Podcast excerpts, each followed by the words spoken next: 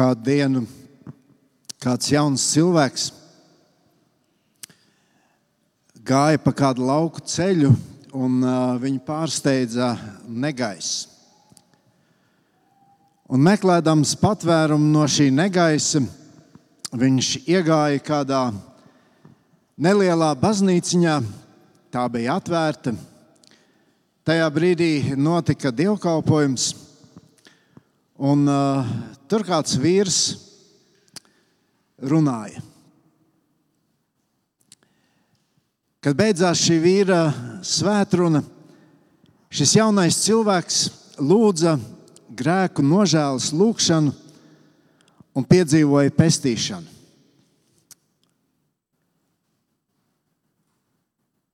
Svētrunā, kuru sacīja šis vienkāršais vīrs, kuram tajā reizē varbūt turpat nebija jābūt, jo pēkšņi bija saslimis mācītājs, un viņš palūdza kādam no draudzes locekļiem vienkārši viņu aizvietot.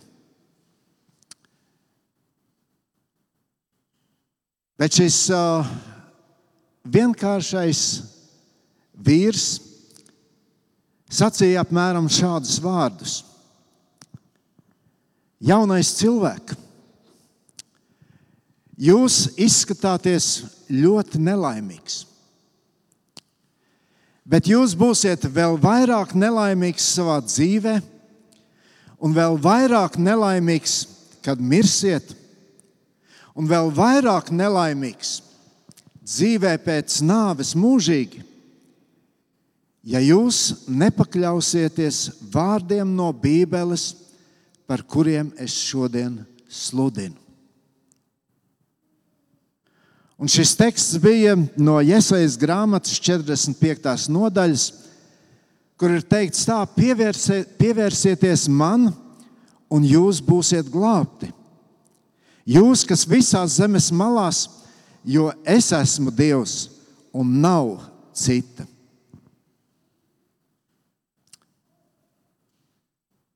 Šis dievkalpojums izmainīja šī jaunā cilvēka dzīvi kurš vēlāk tika saukts par sludinātāju princi. Tas bija Spērģents. Un viņš savā atmiņā saka, es skatījos, skatījos un skatījos, līdz manas acis ieraudzīja to, kurš deva man dzīvību. Un, mīļie, to mēs varam teikt par jebkuru Bībeles pantu, jo Dieva vārds mums ir dots, lai eh, padarītu mūs laimīgus Kristu. Ir vasaras laiks, un uh, arī es to izmantoju. Uh, Bet eh, šis laiks man īpaši ir licis domāt uh, par uh, draugu, par to, kādai mums, kā draudzēji, vajadzētu būt arī šajos īpašajos apstākļos, kuros mēs dzīvojam. Un par to visu domājot, mani atkal un atkal manas pārdomas man ir aizvedušas pie apakstuļu darbu grāmatas Un teksts, kuru mēs tūlīt lasīsim, ir apakstoļu darbu grāmatā, 4. nodaļā. Teksts, kurš runā par pirmo draugu,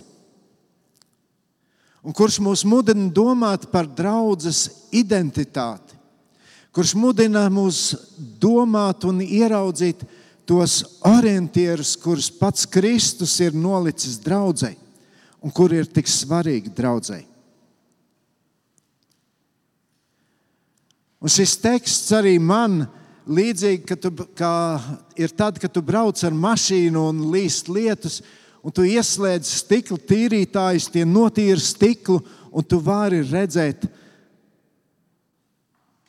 Arī šis teksts, es ceru, palīdzēs mums kā draudzēji ieraudzīt, kas priekš mums ir svarīgākais.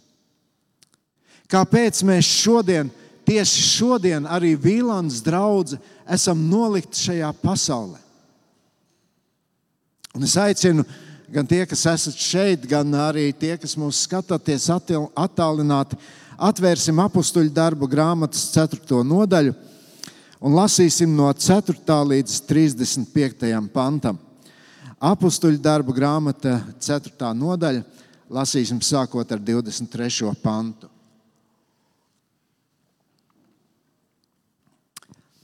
Tur mēs lasām tā, atlaisti tie, tas ir apstuļi Pēters un Jānis. Tas notiek pēc tam, kad viņi ir nakti pavadījuši cietumā. Pirms tam viņi ir pratināti no rakstu mācītājiem, no Sinedrijā. Viņi devās pie savējiem un vēstīja, ko virspriesteri un vecāji tiem bija sacījuši. To dzirdējuši visi vienprātībā skaļi sauca uz Dievu. Valdniek, tu kas esi radījis debesis un zemi, un jūru un visu, kas tajā. Tu caur sava kalpa mūsu tēva Dāvida muti svētajā garā esi sacījis, kādēļ satrakojošās tautas un ciltis perina nelietību. Sacēlušies ir zemes ķēniņi, valdnieki, sadavušies kopā pret kungu un viņu svaidīto. Jo patiesi Herods un Poncijas Pilārs ar pagāniem un Izraēļa ļaudīm ir šajā pilsētā sadavušies kopā pret tavu svēto kalpu Jēzu, ko tu esi svaidījis. Tie apvienojušies, lai darītu to, ko tava roka ir gribējusi, un kas jau iepriekš bija tavs nodoms ka tam tā jānotiek. Redzi, kungs, kā viņi tagad draud.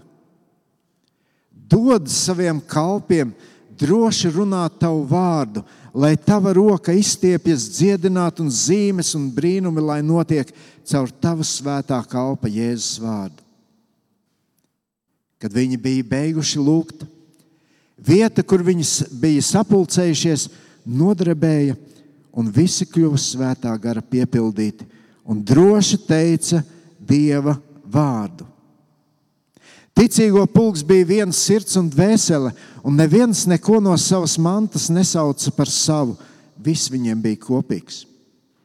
Un apstuļi ar lielu spēku liecināja par Jēzus Kristus augšām celšanos, un liela žēlastība bija pār viņiem visiem. Viņu vidū nebija trūkuma cietēju, Jo ik viens, kam piederēja zeme un nami, pārdeva tos un atnesa iegūto naudu un nolika pie apstuļu kājām. Un tā tika izdalīta visiem, kā kuram vajadzēja.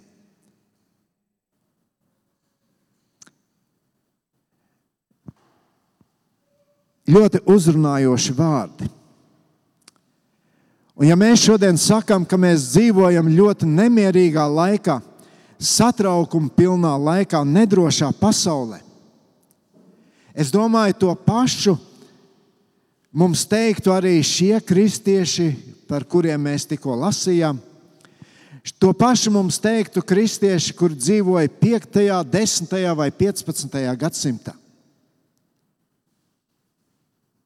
Un ja mēs sekojam pasaules vēsturē, mēs redzam, kā mainās sabiedrības morāli, kā mainās dažādi politiķi, mainās dažādas sistēmas, mainās ekonomika, kā ir mainījušies likumi. Un tur mēs redzam, ka pamazām tiek sagrautas arī tās sabiedrības pamatvērtības. Un droši vien kā toreiz, tā arī šodien cilvēki zināmā mērā jūtas, jūtas diezgan apjukuši. Un to mēs varam dzirdēt un just arī kristiešu vidū. Ir apmulsums, ir ne, šī nedrošība, ir šie jautājumi, kas galu galā notiek. Kāpēc notiek tas, kas notiek? Ko mums darīt, kā mums rīkoties? Kā tālāk dzīvot? kādai jābūt mums kā draudzēji šajos apstākļos. Kā draudzēji vajadzētu rīkoties.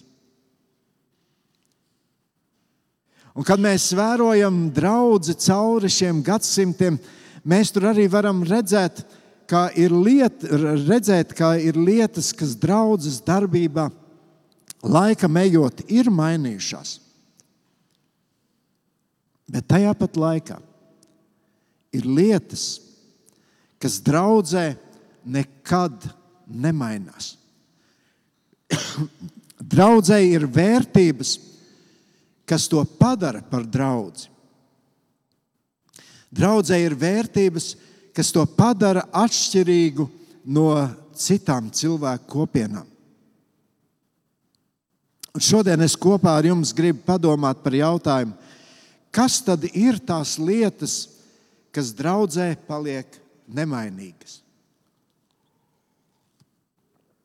Kas ir tās lietas, kuras pats Kristus ir ielicis draudzē, un kuras draudzē nekad nemainās? Arī šajā laikā. Kā mums, kā draudzēji, kā Vīlandes draudzēji, kā mums palikt draudzēji ar skaidru mērķi un uzdevumu? Savā ziņā to, kas šodien notiek pasaulē, mēs varam saukt arī par haosu. Un haosa definīcija ir, ka tas sākas tad, kad pazūd jēga, kad pazūd mērķis dzīvei.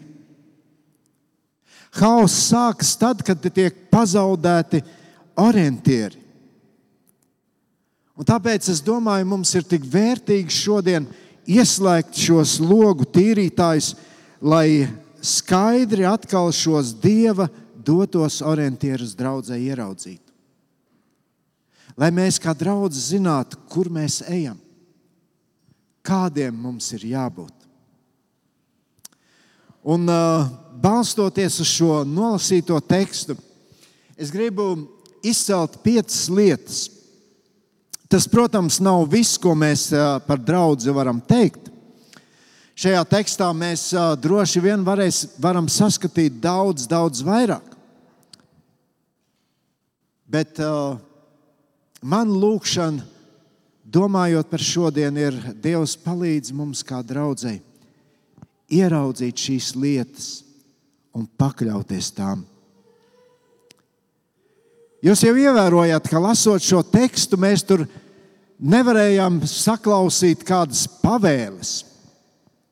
Savā ziņā tas bija draudzes apraksts. Bet, uh, lasot šo aprakstu, mēs varam ieraudzīt šos principus, pie kuriem šī draudzene turējās. Un par ko vēlāk arī apstuļi raksta savā vēstulēs draudzē. Un tā tad, kādai tad ir jābūt draudzēji šajā nedrošajā un mainīgajā pasaulē? Kas ir tās vērtības, kam ir jābūt draudzes pamatā? Un pirmā lieta, ko mēs šeit redzam, un ko es gribu atzīmēt, ir, draudzēji ir vienprātībā jāsauc uz Dievu.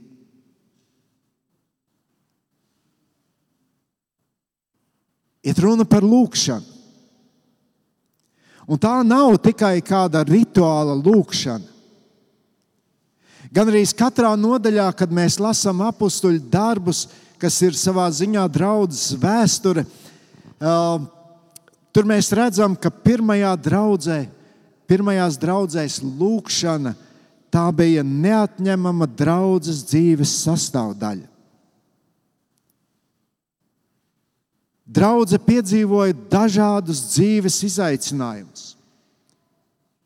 Un tas, ko viņi dara, viņi griežas pie Dieva un saprot, mēs esam Dievs no tevis pilnīgi atkarīgi. Un lūkšana arī mūsu dzīvēs nekļūs par rituālu, ja sapratīsim, kāpēc Dievs mūs ir nolicis tieši šajā laikā, šajā vietā un šajos apstākļos.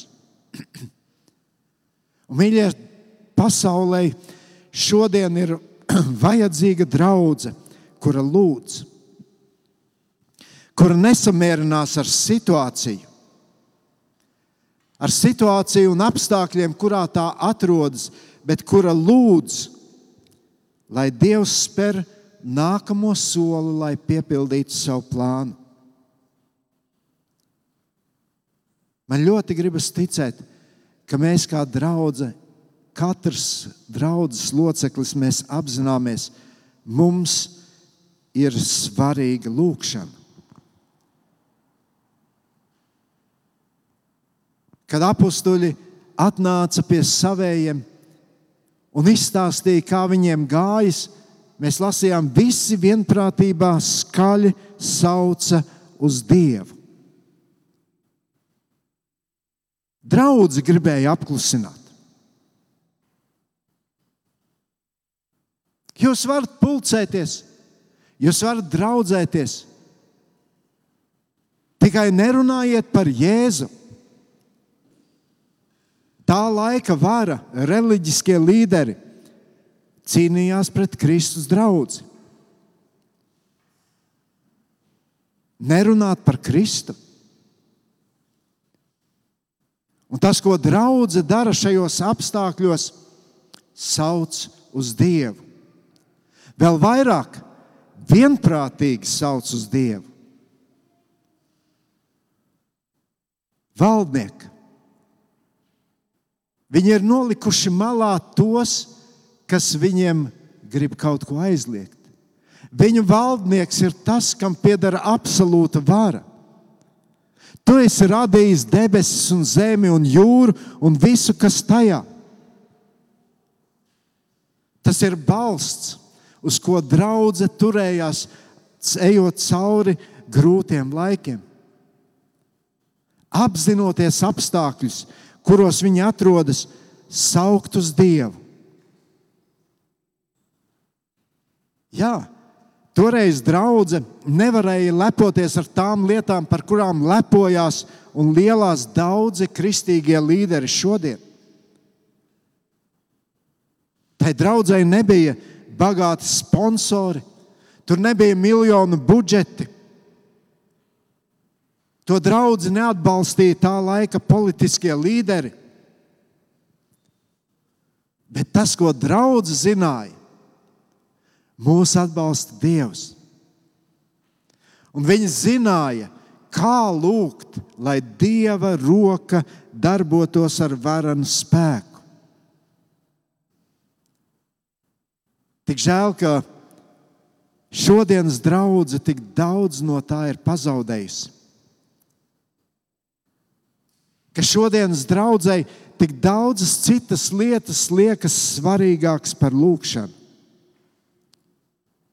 Un, mīļie, mana pārliecība ir, ka te nu ir lieta, kur mums kā šodienas draudzēji vajag mainīties. Un tas nav pārmetums nevienam, bet gan atgādinājums vispirms jau man pašam un mums visiem. Šodienas pasaulē nav vajadzīga tikai forša draudzene, bet draudzene, kur zina un māca saukt uz Dievu. Saukt, lūgt, lai Dieva plāns īstenotos šeit un tagad. Manis jau pieminētais Čārlis Spērģents saka, viss, kas notiek pasaulē, tā ir atbilde uz draudzes lūgšanām.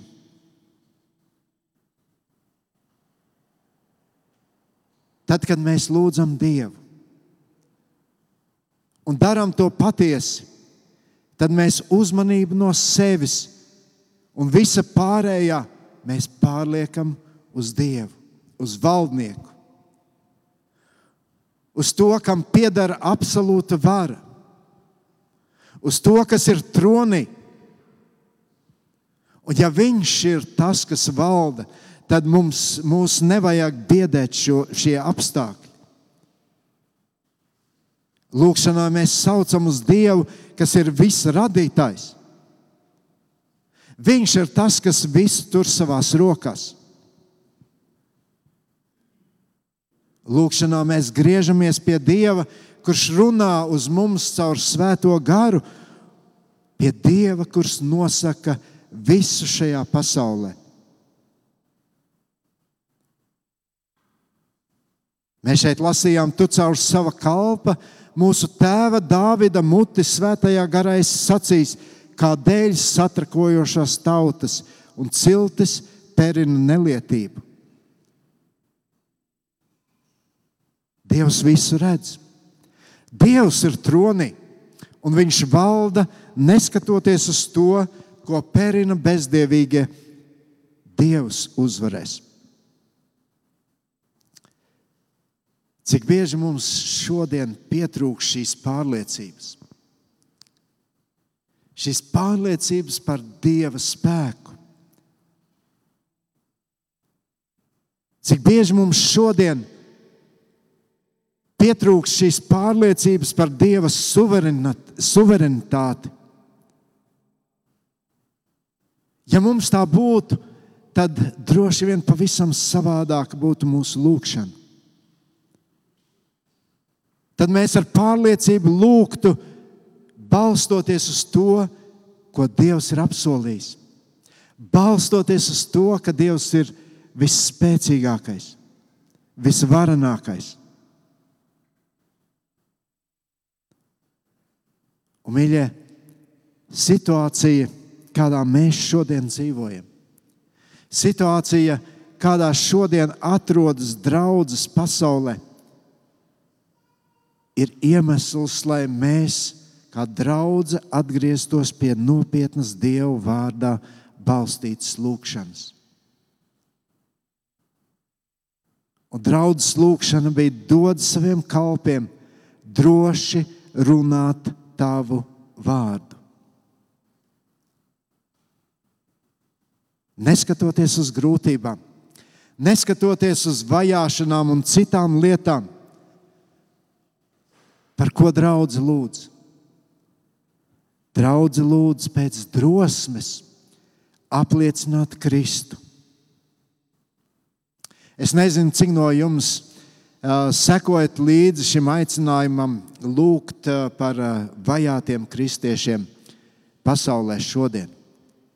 Nekad agrāk tik daudz kristiešu netiek vajāti evaņģēlīja dēļ, kā šodien, šajā gadsimtā.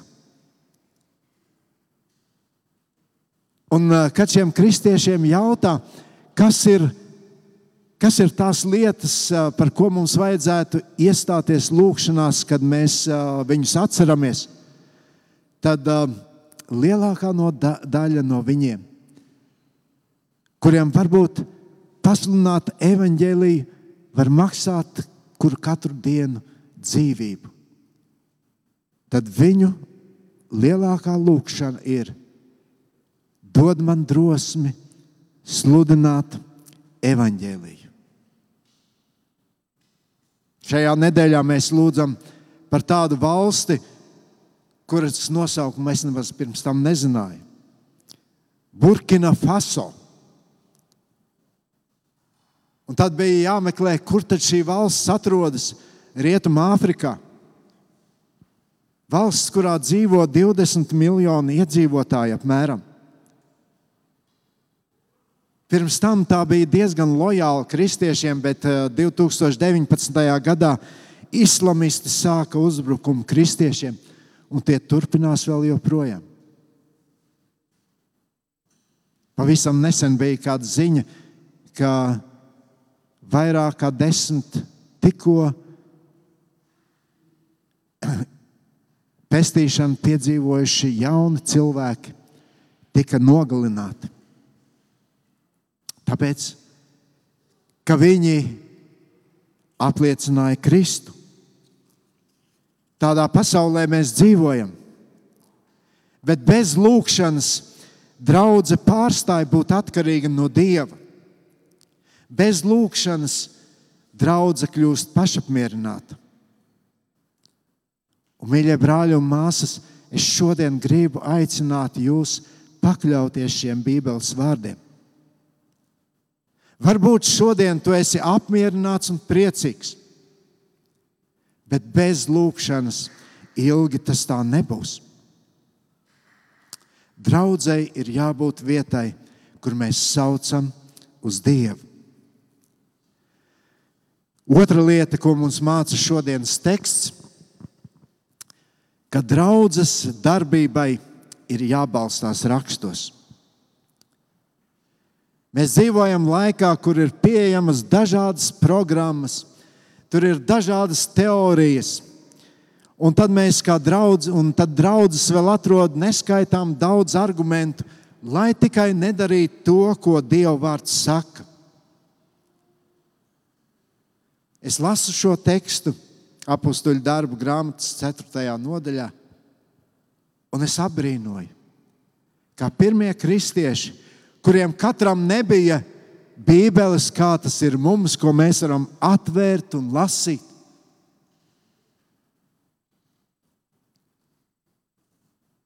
Cik dziļas ir viņu rakstu zināšanas. Un šeit, šajos dažos pantos, ko mēs lasījām, šeit ir pamats gan Nehemijas grāmatā, gan psalmos, otrais psalms, ko Edmunds lasīja sākumā, gan otrā mūzes grāmata. Un tas tikai parāda, ka Dieva vārds bija tas, kas vadīja viņu dzīvi. Viņi balstījās Dieva vārdā. Dieva vārds bija tas, kas noteica draudzes stratēģiju un mērķus. Viņi saprata, ne jau viņi, ne jau es, ne jau tu, mīļais brāl, māsa, ne jau mēs aizvedam cilvēkus pie Kristus, bet tas ir Dieva vārds. Man liekas, šodienas draudzene ir tādās krustcelēs, kur viens ceļš mūs aicina darīt pašiem. Paļauties uz savām zināšanām, paļauties varbūt uz katras draudzes tradīcijām. Bet otrs ceļš ir, kurš aicina mūs balstīties Dieva vārda, vārdā. Tas pirmais ceļš mūs var aizvest arī pie vilšanos cilvēkos. Jo tā arī mēs nebūsim iepazinuši, kāds ir Dievs.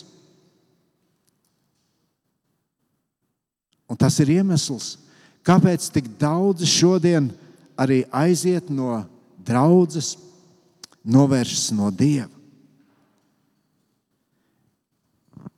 Mēs varam izlasīt nodaļu iepriekš, ko apustulis Pēters saka 3. nodaļā, no 12. līdz 16. pantam. Pēters sacīja ļaudīm, Izrēlieši, ko jūs brīnāties par to? Kādēļ jūs skatāties uz mums, it kā mēs paši ar savu spēku vai dievbijību būtu panākuši, ka viņš staigā? Un viņa arguments - Ābrahāma, Īzaka un Jēkaba Dievs, mūsu tēvu Dievs, cēla godā savu kalpu Jēzu, kuru jūs nodevāt un noliedzāt Pilāta priekšā, kas bija nolēmis viņu atlaist. Jūs noliedzāt svēto un taisno un izlūdzāties apžēlot slepkavu. Jūs nogalinājāt dzīvības valdnieku, kuru Dievs ir uzmodinājis no mirušiem. Mēs esam tam liecinieki. Viņš ticēja Jēzus vārdam, un viņa vārds šo vīru, kuru jūs redzat un pazīstat, ir darījis veselu. Ticība, kas nāk caur Jēzu, viņu dziedināja jūsu visu acu priekšā. Cik brīnišķīga liecība! Bija ļaudis, kas Pēteri tajā brīdī gribēja bezmaz vai celt Dievu vietā. un viņam ir viņi jāapstādina un jānorāda. Nē, tas ir tas, par kuru jūs tik ļoti mīlat runāt. Ābrahāma, Īzaka un Jēkaba Dievs, mūsu tēvu Dievs.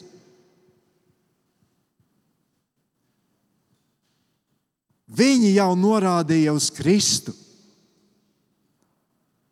Un arī šodien mēs to darām. Mēs norādām uz Kristu. Un šie vārdi mūs aizved pie trešās lietas, kas ir tik svarīga draudzēji. Draudzē sludina evaņģēliju. Mūsu tekstā mēs vairākas, vairākas reizes redzam, ka draudzes fokus bija evaņģēlijas 29. pants, 31. 33. Ja mēs pašķiram vienu nodaļu uz priekšu, 5,42, mēs lasām, tur ir teikts, dienu no dienas viņi nemitīgi mācīja un sludināja Kristu Jēzu gan templī, gan mājās. Kas par varenu liecību? Vienalga, kas notiek pasaulē,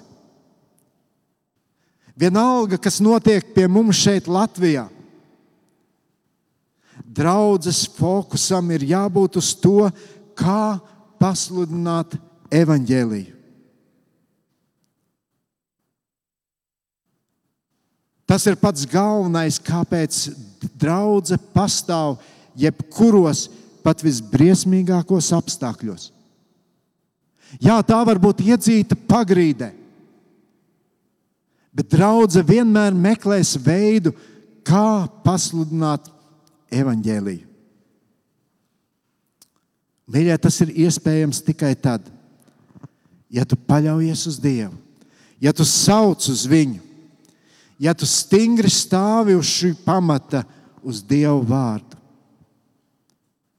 Pasludināt evaņģēliju. Jā, apstuļi dzīvoja pirmajā gadsimtā. Viņi bija liecinieki šiem notikumiem ar Kristu.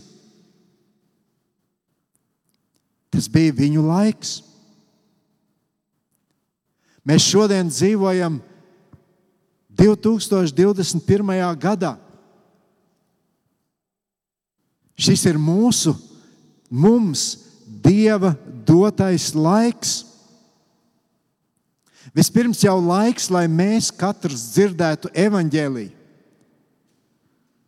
Un lai piedzīvojuši evaņģēlīja mainošo spēku mūsu dzīvēm, mēs to sludinātu atkal tālāk.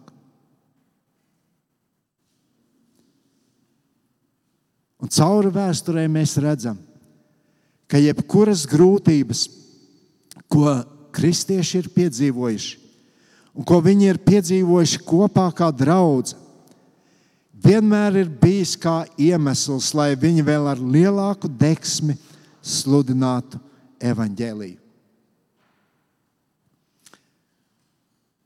Palasiet kādreiz mājās apakstuļu darbu grāmatas beigas, sākot ar 20. nodaļu, kur iet runa par apakstuli Pāvilu. Kā viņš atrod veidus un iespēju, kā sludināt evaņģēliju, kā runāt par Kristu. Un, kad jūs to lasat, tad vienmēr atcerieties šo kontekstu. Pirmā draudzene neliela grupiņa, 120 cilvēku. Pirmie trīs gadsimti tie ir smagi laiki kristiešiem. Bet neskatoties uz to, draudzene izauga līdz vairākiem miljoniem. Vai tas būtu iespējams cilvēciskiem spēkiem? Un starp citu, pirmajos trīs gadsimtos pasaule piedzīvoja divas pandēmijas. Un viena no šīm pandēmijām ilga vesels 15 gadus. Nomira 20% no visiem Romas impērijas iedzīvotājiem. Bet vēsture liecina, arī šajā laikā draudzene auga. Kāpēc? kristieši sludināja evaņģēliju. Viņi runāja par mīlošo Dievu. Šajā laikā, kad cilvēkiem likās, neviens par viņiem nedomā un neviens viņus nemīl. Viņi runāja par mūžīgo dzīvību, kur cilvēki redzēja, kā cilvēki mirst, un paši to varbūt piedzīvoja. Tas ir evaņģēlijs. Tā ir šī labā vēsts. Un Dievs mūs ir nolicis dzīvot šajā laikā. Un caur evaņģēlīju tu tiki izglābts. Un šis evaņģēlijs tev ir jāsludina tālāk. Mīļie draugi, draudzes uzdevums nav izveidot atpūtas namu izglābtiem, bet mēs esam šeit, lai sludinātu evaņģēliju, caur kuru vēl daudzi tiek glābti. Bet, lai tas varētu notikt, tad mums ir nepieciešama nākamā lieta, par ko mēs lasām. Un e, šeit ir runa par svētā gara piepildījumu. Draudzene, kura izdzīvo evaņģēliju, piedzīvo svētā gara piepildījumu. Un es esmu pārliecināts, ka Lūka šeit šīs detaļas nesaka nejauši. Šeit nav uzsvars uz zemestrīci, šeit nav uzsvars uz dažādām zīmēm.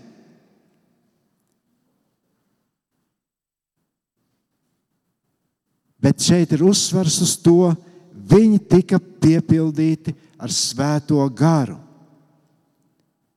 Un par to vēlāk arī apstuļi runā savā vēstulēs. Tik piepildītam ar svēto garu ir daudz kas vairāk nekā justies labi. Nekā justies varbūt kādu brīdi pacelātā gara stāvoklī. Tik piepildītam ar svēto garu ir tas, ka tu piedzīvo, kā evaņģēlījis pārveido tavu dzīvi. Kā viņš maina tavu skatījumu uz to, kas notiek pasaulē, uz to, kas notiek tev visapkārt. Svētā gara piepildījums nozīmē, ka nevis mēs sevi vadām, bet Dievs vada mūs caur svēto garu. Un, un sekas tam, šim piepildījumam, ir drosme sludināt par Kristu. Tas ir svētais gars, kas katrā kristietī ieliek šo sāpi, kad tu redzi cilvēkus, kuri iet bojā bez Kristus. Svētais gars vienmēr cilvēkus vedīs pie Kristus. Svētais gars vienmēr mudinās sekot Kristum, nevis kādiem līderiem. Svētais gars nemudinās mūs nosodīt cilvēkus, pazudināt cilvēkus, kurus, kuri Kristu vēl nav iepazinuši. Bet svētais gars būs tas, kurš liks mūsu sāpes par viņiem lai drosmīgi apliecinātu Kristu, mums ir jābūt piepildītiem ar Svēto garu. Kad viņi bija beiguši lūgt vietu, kur viņi bija sapulcējušies, nodarbēja, un visi kļuva svētā gara piepildīti un droši teica Dieva vārdu. Bez svētā gara piepildījuma Mēs droši vien varam darīt ļoti daudz priekš Kristus, bet tas notiek bez Kristus un viņa spēka. Un pēdējais.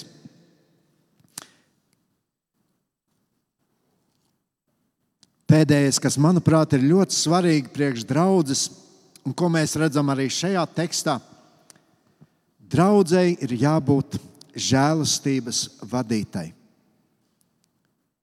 Draudzē ir jābūt žēlastības vadītai. 32. pantā mēs lasām, ticīgo pulks bija viena sirds un dvēsele, un neviens neko no savas mantas nesauca par savu, viss viņiem bija kopīgs. 3, 4, 3, 5.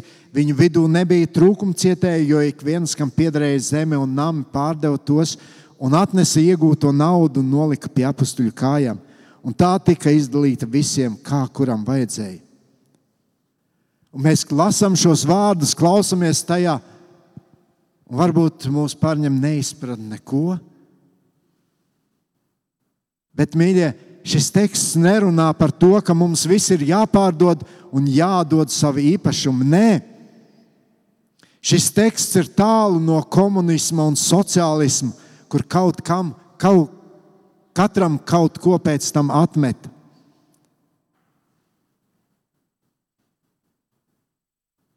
Te iet runa par to, ka draudzene rūpējas par tiem, kuriem iet grūti. Un ja kāds kaut ko pārdeva, kad Dievs to ielika viņa sirdī, viņš to darīja tāpēc, lai atbalstītu tos, kam iet grūti. Mēs lasījām, ticīgo pulks, draudzene bija viena sirds un viena dvēsele. Un tas ir kaut kas īpašs. Tas ir kaut kas īpašs, ko tu vari izdzīvot tikai un vienīgi draudzē. Un interesanti, ka Lūka starp šiem pantiem ir ielicis 33. pantu, kur mēs lasām, un apstuļi ar lielu spēku liecināja par Jēzus Kristus augšām celšanos, un liela žēlastība bija pār viņiem visiem. Draudzē cilvēkiem ir jābūt žēlastības vadītiem. Tā ir vieta, kur tas līst pāri par viņu sirds trauku malām. Draudze, kura, kur cilvēki ir saņēmuši nepelnītu žēlastību, nepelnītu mīlestību, nepelnītu atdošanu. Un tad, kad šīs lietas piepilda cilvēku sirdis, tad tur notiek tas, ka tas viss līst pāri malām. Un tu gribi dalīties. Tu gribi dalīties ar to, ko tu esi saņēmis arī ar citiem. Un, mīļie draugi, brāļi un māsas, lai Dievs palīdz mums katram ieraudzīt to, kāpēc mēs šodien, kā draugi, esam. Kāpēc mēs kā Vīlandi esam šeit, šajā vietā, šajā zemē, šajā pilsētā. Lai Dievs palīdz mums ieraudzīt to vienotību Kristu, tiekties pēc šīs tīrās, vienkāršās, patiesās ticības. Un ar atvērtām sirdīm dalīties vienam ar otru. Šodienas pasaulē ir vajadzīga draudzene, kuras sauc uz Dievu, kuras stipri turas pie tā, kas ir rakstīts Dieva vārdā, kuras sludina evaņģēliju, kura ir piepildīta ar svēto garu un draudzene, kuru vada žēlastība. Lai Dievs mums visiem uz to palīdz. Lūksim Dievu. Lielais un mūžīgais Dievs, mēs slavējam Tevi kā draugu šodien šajā vietā, jo Tu esi vienīgais, kurš esi cienīgs saņemt šo mūsu slavu un godu. Un mēs pateicamies, ka Tev ir plāns arī priekš mums šodien šeit. Tāpat kā Tev bija plāns pirmajiem kristiešiem, Tāpat kā tev bija plāns tiem daudzajiem, kuri ir devuši dzīvību, sludinot evaņģēlīju. Dievs, mēs lūdzam, lai tu mums palīdzi turēt godā šo plānu. Lai tu caur savu garu ieliec mūsu sirdīs arī to drosmi sludināt evaņģēlīju. Tu mūs esi izglābis. Tu mums esi ļāvis piedzīvot šo nepelnīto žēlastību. Un Dievs, tu negribi, lai mēs to kā tādi sautīgi egoisti paturam pie sevis. Kaut Dievs mums kā draudzēji sāpēt tas, kas notiek apkārt. Sāpēt tas, ka joprojām cilvēki iet pazušanā. Tā arī neiepazīstot tevi, nepaklausot tev. Dod mums kā draudzēji sludināt evaņģēliju ar prieku, ar drosmi. Devis Tēvs, svētī katru no mums, kas šodien šos atgādinājumus dzirdējām. Palīdzi mums tos nopietni ņemt vērā. Gan katram atsevišķi, gan arī mums kopā, kā draudzēji. To lūdzam Jēzu tavā vārdā. Amen.